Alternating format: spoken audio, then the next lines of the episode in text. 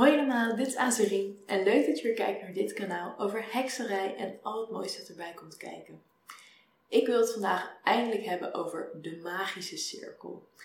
Uh, ik heb het al vaker voorbij zien komen in een aantal online heksengroepen, voornamelijk Facebookgroepen.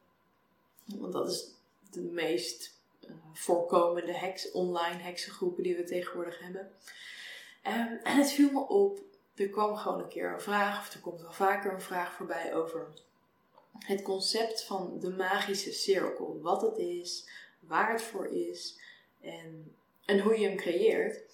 En het viel me echt op hoe gepassioneerd de verschillende kampen zijn over de magische cirkel. Echt, er, er heerste bijna een soort van aanval, een gevoel van, van aanvallendheid in, in het hele verdedigende of uh, ontkennende van het nut van een magische cirkel. En ik, ik was gewoon een beetje verbaasd over ehm, hoe heftig die energie voelde. En daarom dacht ik, ik wil het er gewoon heel even over hebben wat mijn ideeën zijn over de magische cirkel en een beetje uiteenzetten wat ik uit deze conversaties heb kunnen halen. Dus over het algemeen, hoe ik het begrijp, is een magische cirkel een vorm van energetische afbakening tussen uh, de normale wereld, dus de wereld van de mensen, zoals ik het vaak in boeken zie. Um, en de hogere machten.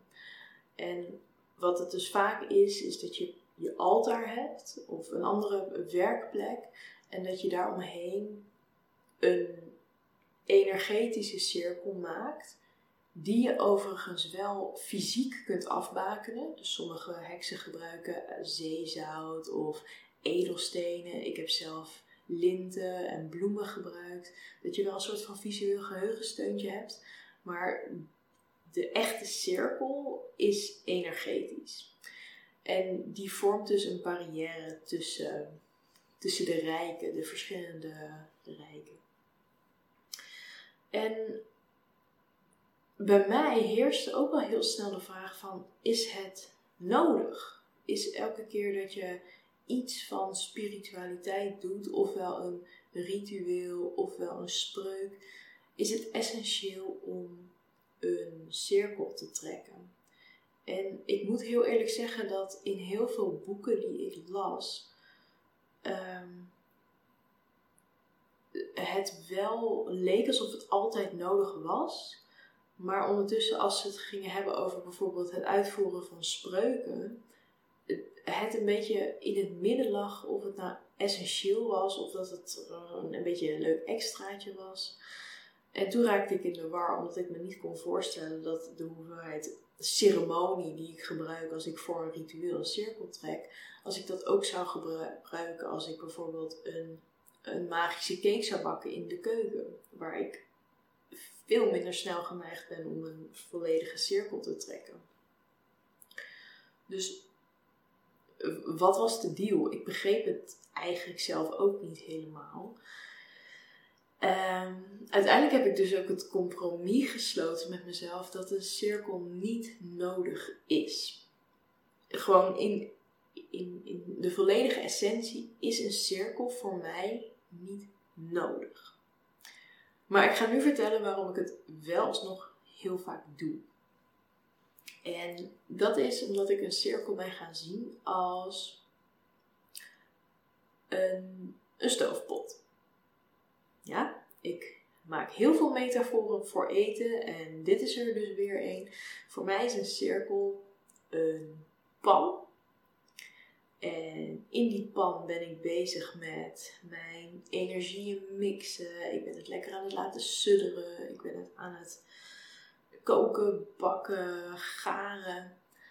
En de cirkel is de pan met een deksel erop.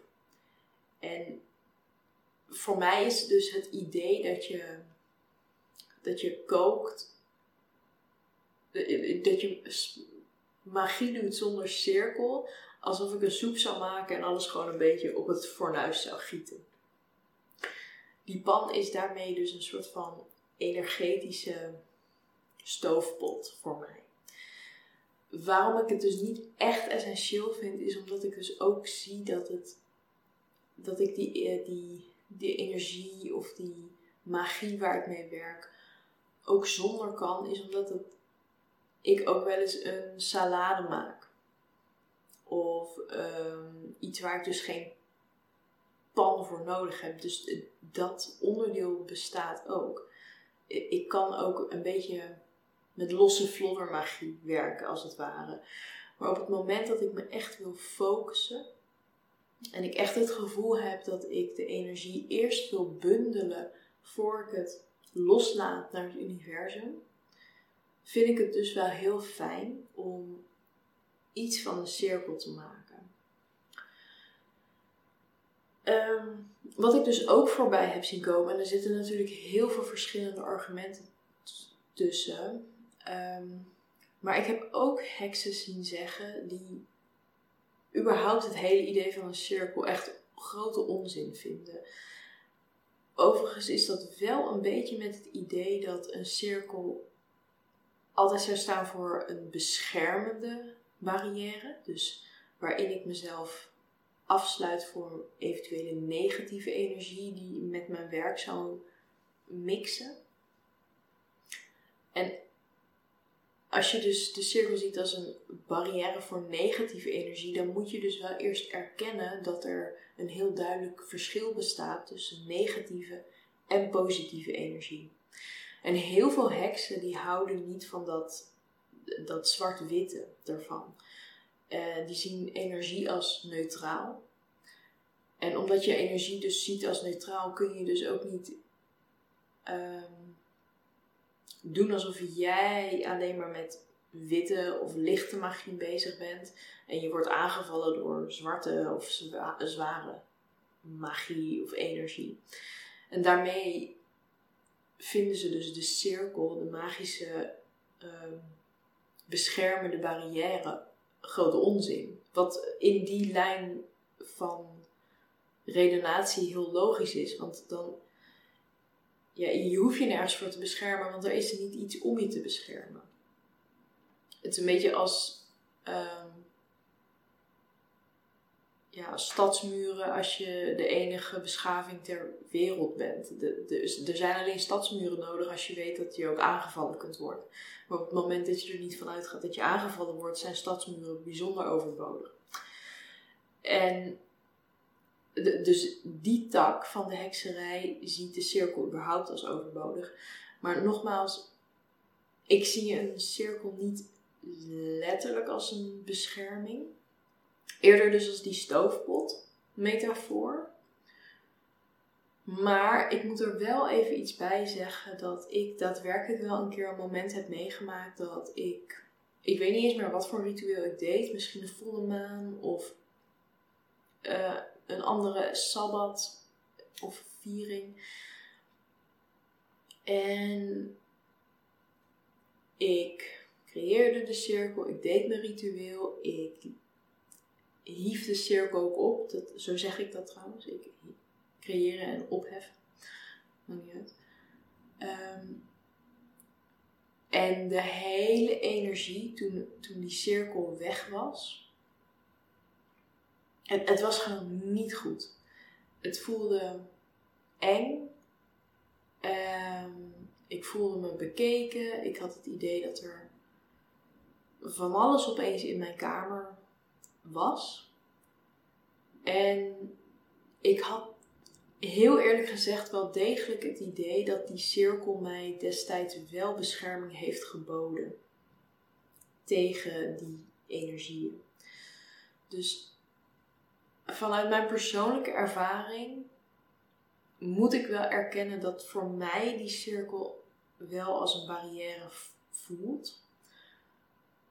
Maar in de eerste instantie maak ik hem gewoon als een soort van uh, energiecontainer. Zoals je dat mooi in het Engels zou zeggen.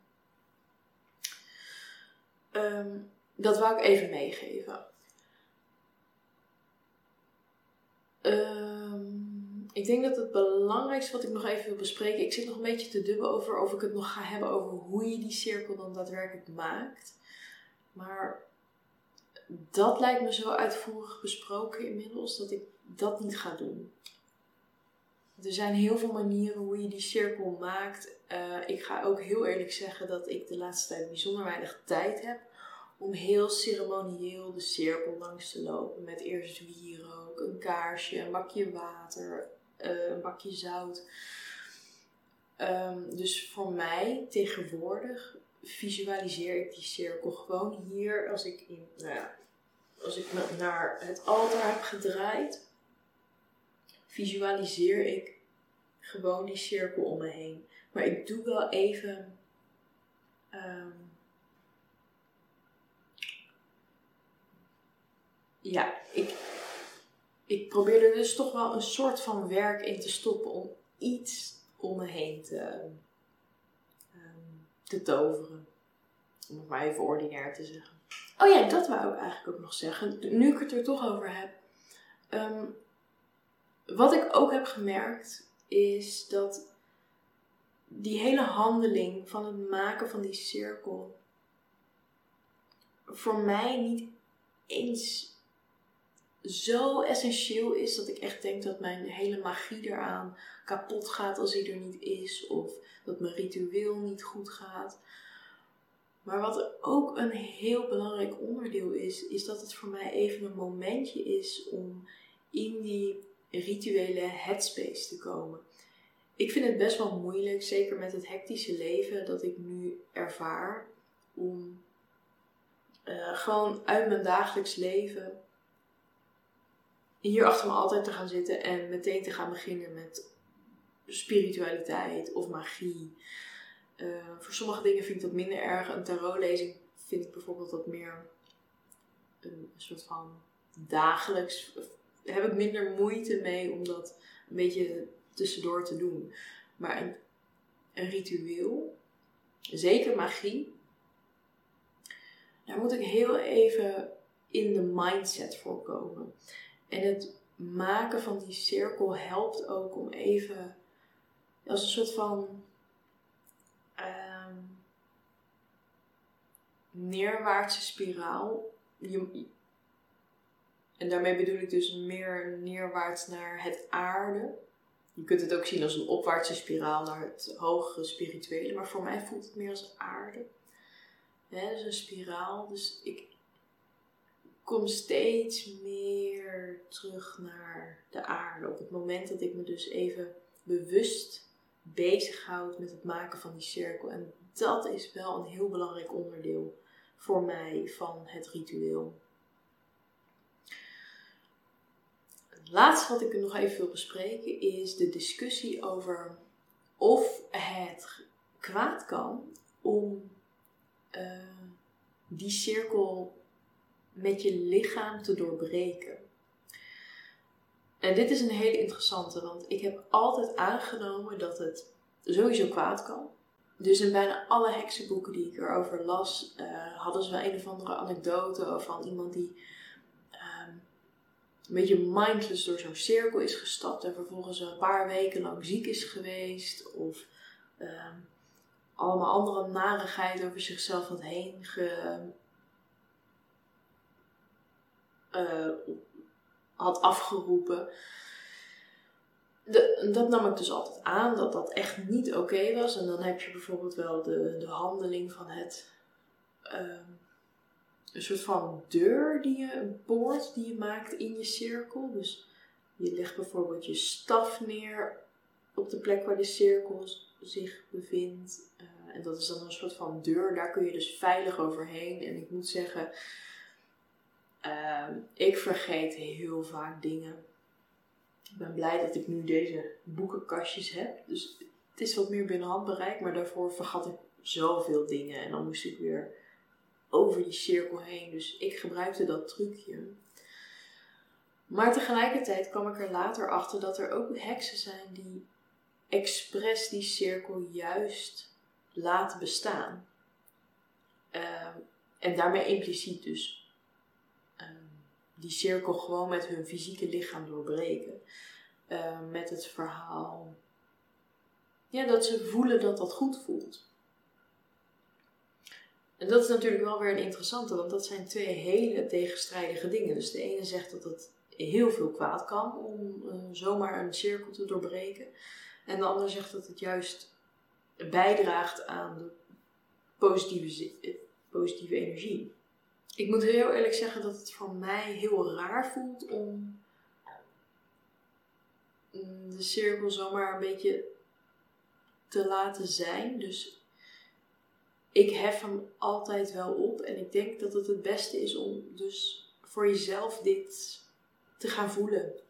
Dus ga aan die barrière staan van die cirkel en vraag je af: kan ik hier doorheen? Of, um, ja, of riskeer misschien een paar weken ziekte, ik weet het niet. Maar um, het is op, het, het, het is open ter discussie. Dat, en dat heb ik jarenlang niet meegekregen. Tot ik dus een keer de heksen tegenkwam die daadwerkelijk die cirkel gewoon lieten staan. En die nuance wil ik eigenlijk ook aan jullie meegeven. Dat het niet zomaar is dat je er altijd doodziek van wordt. Of dat je, weet ik wel, een been breekt. Of um, dat je, je spreuk sowieso niet werkt. Mocht het zijn dat jullie na deze video alsnog behoefte hebben aan een soort van uitgebreide instructie hoe ik een cirkel creëer of hoe men een cirkel creëert, laat het me weten, dan ga ik er graag op in. Maar voor nu moeten jullie het met deze heksenklets doen over de cirkel. Dus daarmee wil ik jullie heel erg bedanken voor het kijken van deze video en hoop ik jullie snel weer te zien in de volgende.